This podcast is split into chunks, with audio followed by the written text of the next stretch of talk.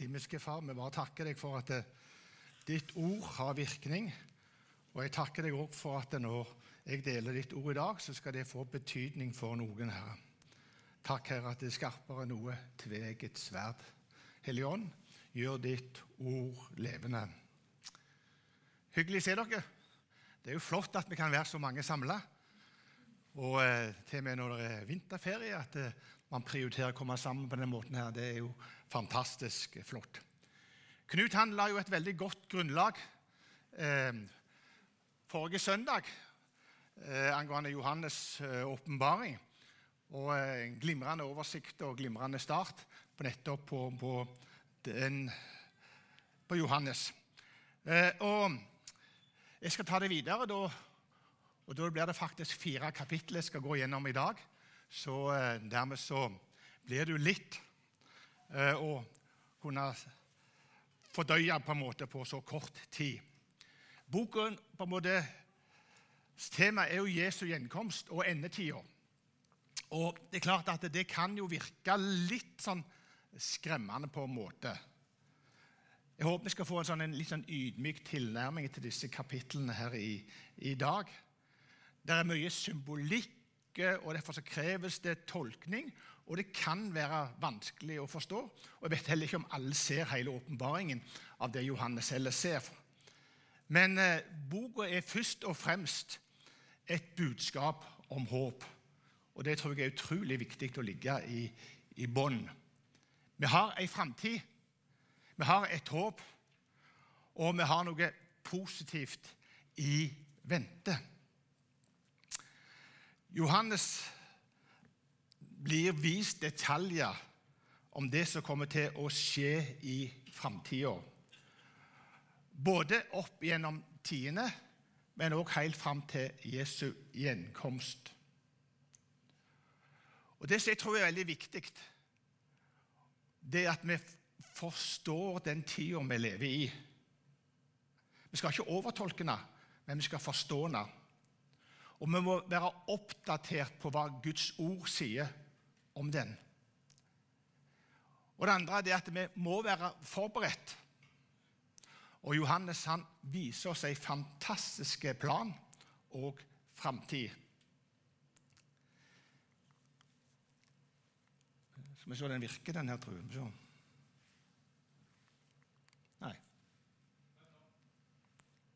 Der kom den. Vi skal gå på eh, kapittel 2 og 3. Og Der er det et brev med profetisk innhold til sju menigheter. Johannes' åpenbaring forteller om syv menigheter i Lilleasia. Og det kan vi si er dagens Tyrkia. Og Johannes han ser syv lysestaker som er av gull, som er de sju menighetene. Og midt imellom der så ser han Jesus står. Når lysdagene er av gull, og det er en symbolikk på menigheten, så innebærer det at menighetene er utrolig verdifulle og viktige. Så menigheten er ikke hvem som helst. Og Det er viktig å ha med seg når vi snakker og ser videre. Hvert brev har en veldig interessant avslutning. Og Der er det to viktige oppfordringer. Den som, hører, den som har ører, hør hva Ånden sier til menighetene. Og Dette gjelder også selvfølgelig oss personlig. Og det er et løfte om seier. Den som seirer, skal ikke rammes av den anden død, altså ildsjøen eller fortapelsen. Eh, en del bibelforskere og anerkjente bibellærere sier at eh, disse sju menighetene er fra ulike tidsperioder. Altså Brevene avslører på en måte noen menighetstyper som er prega i menighetens første tid, mens andre blir mer prega i den siste tida. Vi kan på en måte si at eh, brevene er en slags profetisk kirkehistorie. Og det er òg en analyse av menighetens tilstand. Uansett er alle disse brevene til menighetene aktuelle for oss i dag. Og er en profeti om den siste tida. Altså Det er et budskap for vår tid, og det er viktig å ha i bakhodet når vi leser dette. Og Kanskje du gjenkjenner noe av det som skrives til menighetene av den situasjonen som er i dag. Efesus ble kalt kjærlighetsmenigheten. Jeg vet om dine gjerninger, ditt strev og din utholdenhet. Jeg vet også at du kan tåle de onde. Du har prøvet dem som kaller seg apostler, men ikke er det. Og du har funnet at de er løgnere. Du har holdt ut, og du har tålt mye for mitt navns skyld og ikke gått trett. Men dette har jeg imot deg. Du har forlatt din første kjærlighet. Menigheten får ros for utholdenhet og tålmodighet. Han får ris for kjærligheten til Jesus hadde blitt avtatt. Menigheten begynte godt med glødende kjærlighet. Etter hvert så overtok på en måte former og ritualer. Og de var mer opptatt av kristen virksomhet enn Jesus. De får en advarsel, en befaling. Omvend dere og gjør de første gjerninger. Historiske kilder sier at eh, menigheten faktisk omvendte seg når de fikk dette brevet. Smørna er kalt den forfulgte menighet. Og Brevet på en måte skrevet i menighetens tid til ca. rundt 100-300 etter Kristus. Og Da var det en sterk forfølgelse av kristne i Romerriket. Og keiseren hadde utrolig makt. Eh, og eh, de som ikke var korrekt politisk, de ble forfulgt.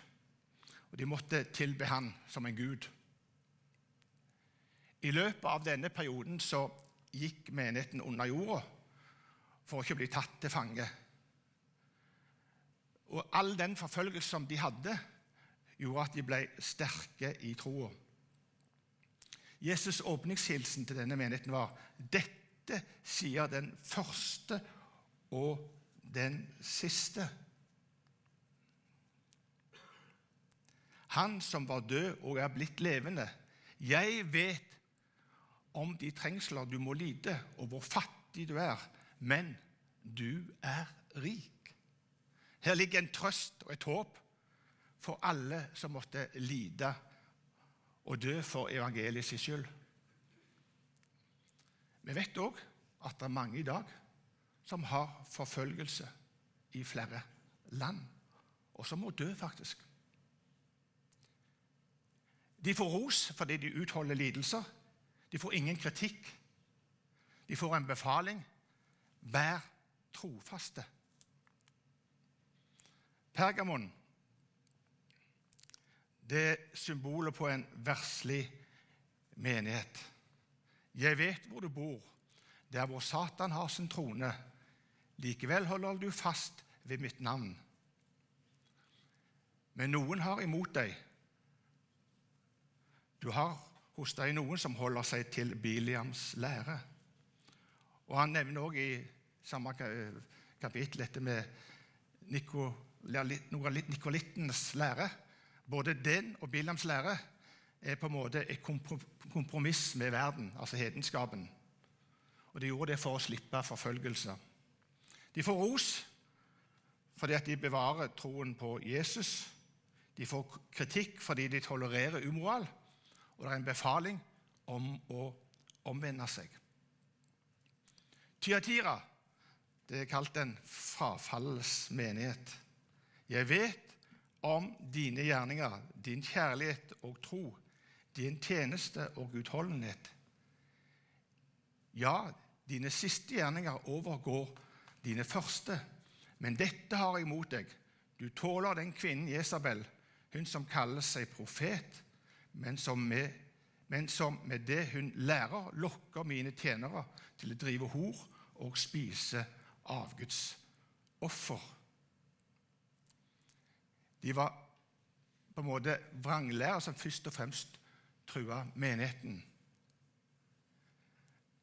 De begynte med falsk lære, og de begynte med å dyrke andre guder, altså avguder. Og eh, selvoppnevnte profetinnen Jesabel var veldig sentral, og det var mye umoral. Ros for kjærlighet og tjeneste, kritikk for de tåler umoral, og befalingen er at de skal bevare troa. Så har vi Sardes, som da var åndelig døde. Jeg vet om dine gjerninger.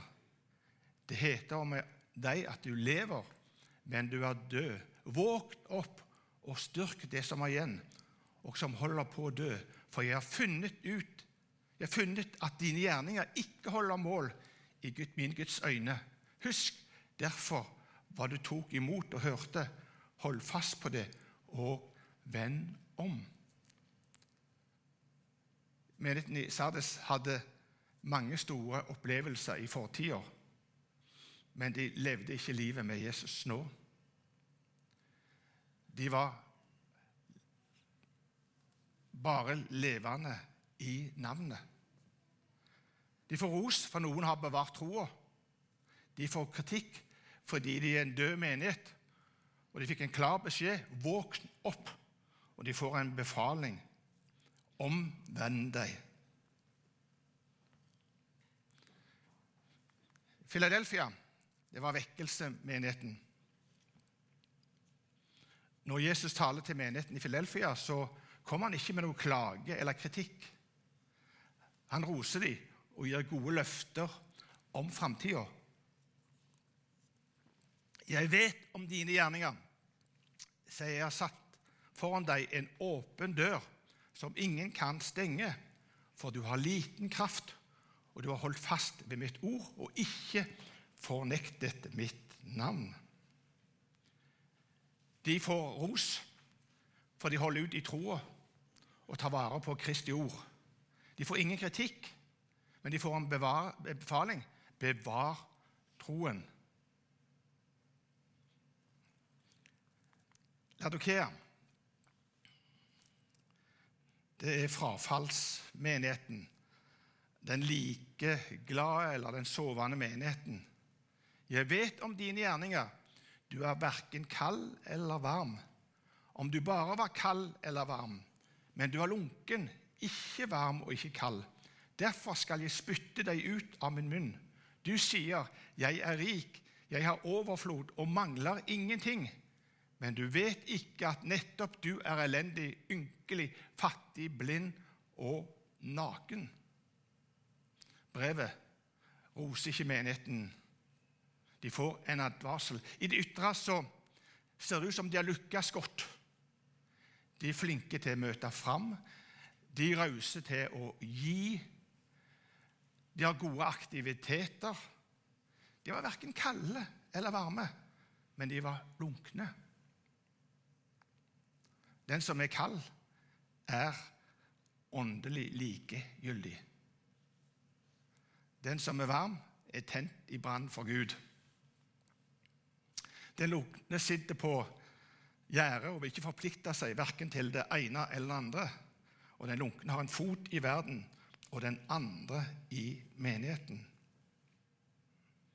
Noen troende hadde en gang vært brennende i sin tro. De var frelst, men blitt verslige på grunn av alt det denne verden hadde å by på. Derfor hadde forholdet til Jesus kjølne. Det var håp for Ladukea-menigheten. Vi ser at Jesus oppsøker den og banker på døra.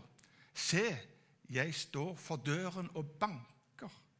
Om noen hører min røst og åpner døren, vil jeg gå inn til ham og holde måltid, og jeg med ham og han med meg.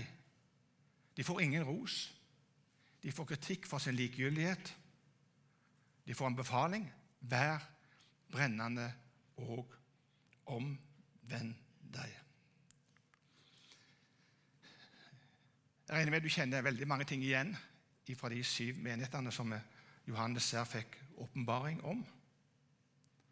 Og det er jo en del skremmende signaler som ligger her, både fra det som har vært, men som òg er aktuelt i alle våre sammenheng i dag. Så Gud bevarer oss til at vi er brennende og ikke likegyldige, og at vi er en vekkelsemenighet. Da skal vi bevege oss til kapittel fire. Eh, og Johannes på en måte ser, et, ser på en måte inn i himmelen og ser et syn der Gud sitter på tronen.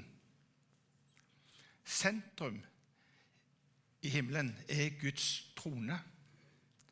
Han som satt der, gnistret som skinnende edelsteiner. Det må ha vært litt av et syn. He? Fantastisk å få sett det som Johannes der så. Rundt tronen så var det 24 Det var 24 troner, og det var satt 24 eldste kledd i hvitt og kroner på hodet av gull rundt tronen. Og fra tronen så gikk det et lyn og tordenbrak, og foran tronen kunne en høre syv brennende fakler som Guds syv ånder, står der. Og eh, Det pekes på at det, være, at det er Den hellige ånd, og at den er brennende, og det er ild. Brennende ild. Foran tronen var det glasshav. Lik krystall. Ja, det var spennende å sitte. Midt foran tronen og rundt tronen var det fire livsvesener, eller levende vesener, med øyne både foran og bak. Den første lignet en løve, den andre lignet en okse, den tredje hadde et menneskeansikt, og den fjerde lignet en flyvende ørn. De fire livsvesenene har seks vinger hver, og øynene rundt om det er seks vinger hver og øyne rundt om og under vingene. De lovpriste dag og natt. Hellig, hellig, hellig. Herren Gud den allmektige. Han som var og er, og som kommer. Under lovsangen så faller de 24 eldste ned for ham, som sitter på tronen, og de tilber han. De kaster kronene foran, sine, foran tronen og sier, 'Verdig er du, vår Herre og Gud, til å motta all pris og ære og makt, for du har skapt alle ting. Du og alle ting består på grunn av deg.' Altså Her nevnes glasshav, fire livsvesener 24 kroner, 24 eldste og så mye, mye, mye mer. Hvem er de 24 eldste? Det antas at det er personer fra Gammeltestamentet og Nytestamentet. Noen fra de tolv israelske stammer og de tolv apostlene. De fire livsvesenene det var på en måte engler som vokta Guds hellighet rundt tronen. Og de hadde seks vinger og full av øyne. Hvorfor det? Og så er det tall fire som nevnes her. Som det kan si, er, sies at det kan være en, en, de fire verdenshjørner. Og på en måte de, Deres tilbedelse gir uttrykk for Guds makt over hele universet. Øynene antyder at de ser alt. Så Det ser ut som det er engler som er betrodd på en måte konkrete oppgaver og helt konkrete landområder, som de fire hjørnene. Alt dette koordineres og styres fra Guds trone. Verdig er du, vår Herre, til å få lovprisning og æren og makten. Vi kan også få være med i den tilbedelsen. Det er ikke fantastisk? Han er verd all ære og pris. Han som har skapt oss, han som har frelst oss, og som har gitt oss en framtid. Ikke bare nå, men òg i evigheten.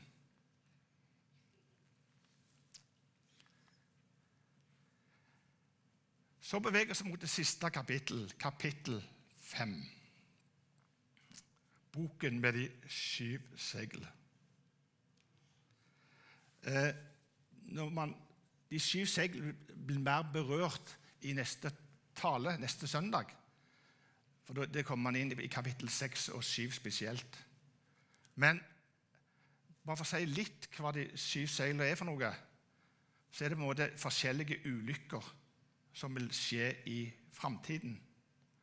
Og man leser om rytter og hester som har ulike farger, bl.a. Og noen gjenkjenner jo det. Rødhesten, hvitehesten, svarthesten, gulhesten osv. osv.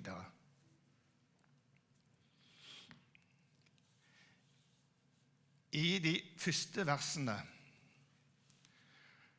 så leser vi at han som er satt på tronen, hadde en, en bokrull som da inneholder Guds plan på en måte framover. Den var forsegla med skjulseil. Og en engel roper, 'Hvem er verdig til å åpne boken og bryte seilene?' Det var litt sånn panikk. på en måte. Hvem kan åpne den? Hvem er verdig? Hvem har mulighet? Hvem bør åpne den?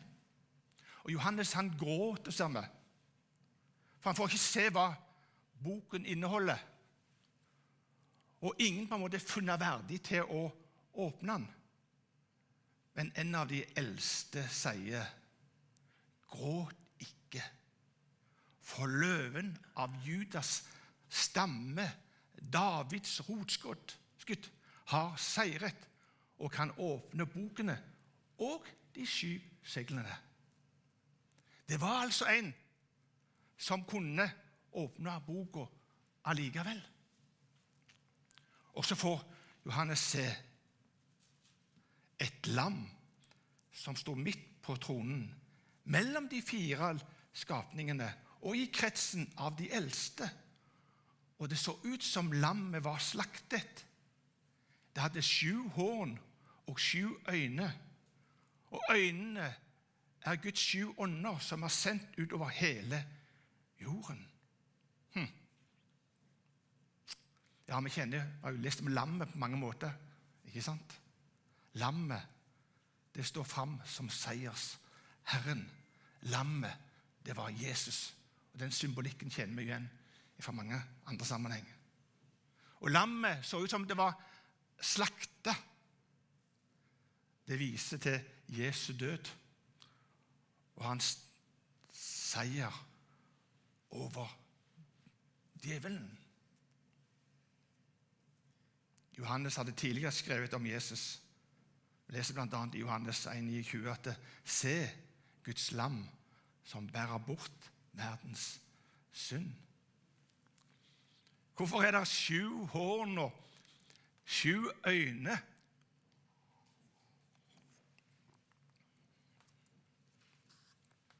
Horn er symbol på styrke og et bilde på autoritet. Jesus har all makt i himmel og på jord. Det er jo fantastisk å vite det, ikke sant? Han har syv øyne. Så viser han full oversikt over det som skjer på jorden. Og så vet vi de som liker tall, så går syvtallet igjen i flere sammenheng. Syv, syv, syv der, syv der, syv der. For det er fullkommenhetens tall er syv.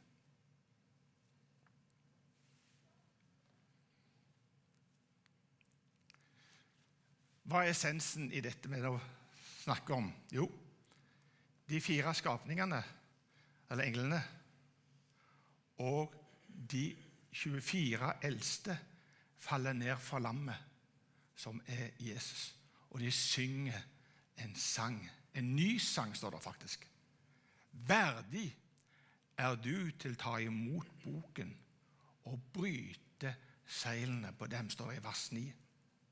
Og så ser vi at det, titusener på titusener er i lovprisning. Både engler de eldste. Og til og med står det skapninger i himmelen, både i himmelen og under jorda. What? Til og med de står der, som har dødd på jorden og på havet. De er med og lovprise. Verdig, verdig. Og der er vi selvfølgelig med og tas med i den lovprisningen. Ikke sant? Det finnes bare én som har verdt vår pris. Johannes vil vi skal lovsynge, og det har vi god grunn til å gjøre. For han sitter på tronen og har all makt i all evighet, står det i vers 14.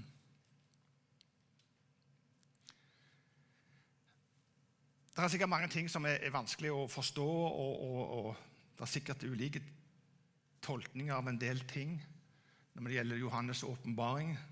Og vi kan anta og Det kan hende at det menes litt forskjellig på forskjellige ting.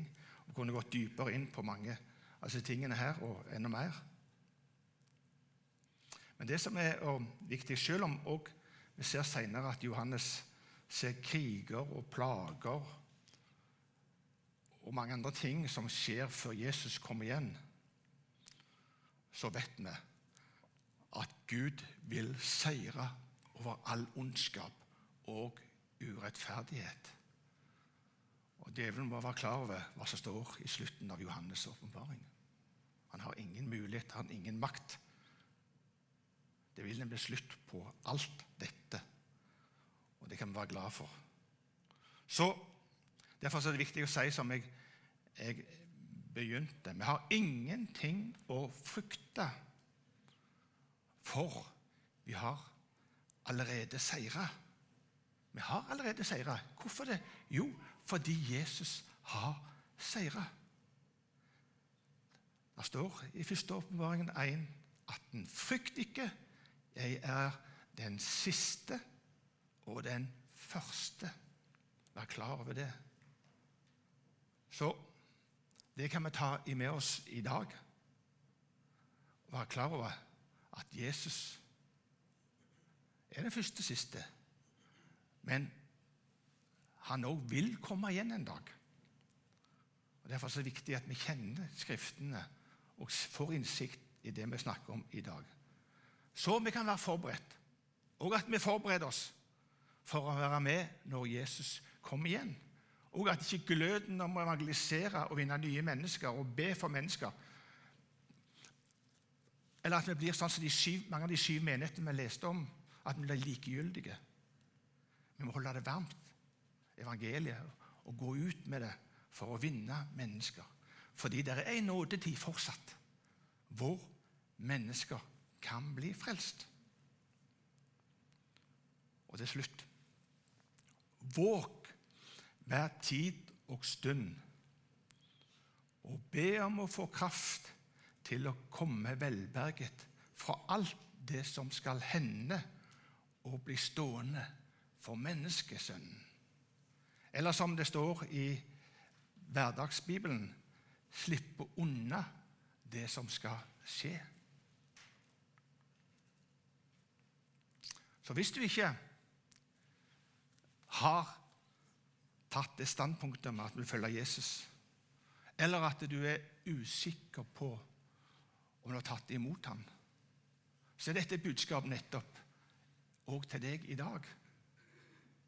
Slik at du kan ta det valget og være sikra òg i framtida.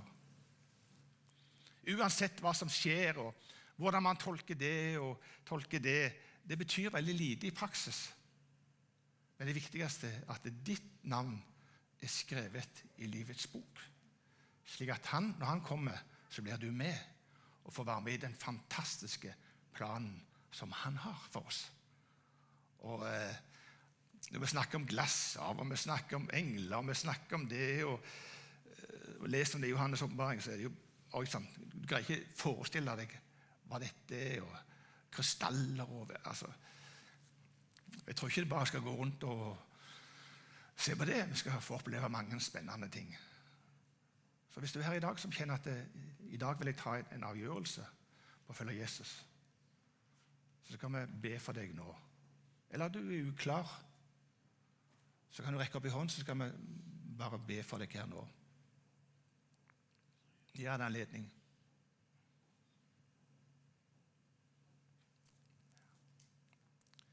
Kan si det sånn, så kanskje det er lettere det at hvis noen kjenner at det, på bakgrunn av det budskapet jeg har hatt i dag, og det vi har lest i Johannes' åpenbaring, ønsker på en måte forbønn, så legger du hånda di på brystet. Og så er du Jeg ber nå, så er vi ber for, for deg òg. Så bare legg hånda på, på, brystet, uansett hva det gjelder. at det, du kjenner at du vil ha forbønn. Himmelske Far, jeg takker deg for at du er her med din allmakt og kraft. Takk at du er begynnelsen og enden. Du er den første og den siste. Takk at du har kontroll over alle ting. Takk for at Johannes fikk se noe inn i noe av det som skal skje i den seire tid. Og vi ser konturer av ting, og vi opplever ting. Herre, vi ønsker bare å være klar. Jeg ønsker at alle som er her i dag, skal være helt klar over at de skal få lov til å bli med deg den dagen når du kommer. Så takker jeg deg for alle som har lagt hendene på brystet nå. Du vet hva det gjelder. Du hører, og du vet, og du vil svare. I Jesu navn.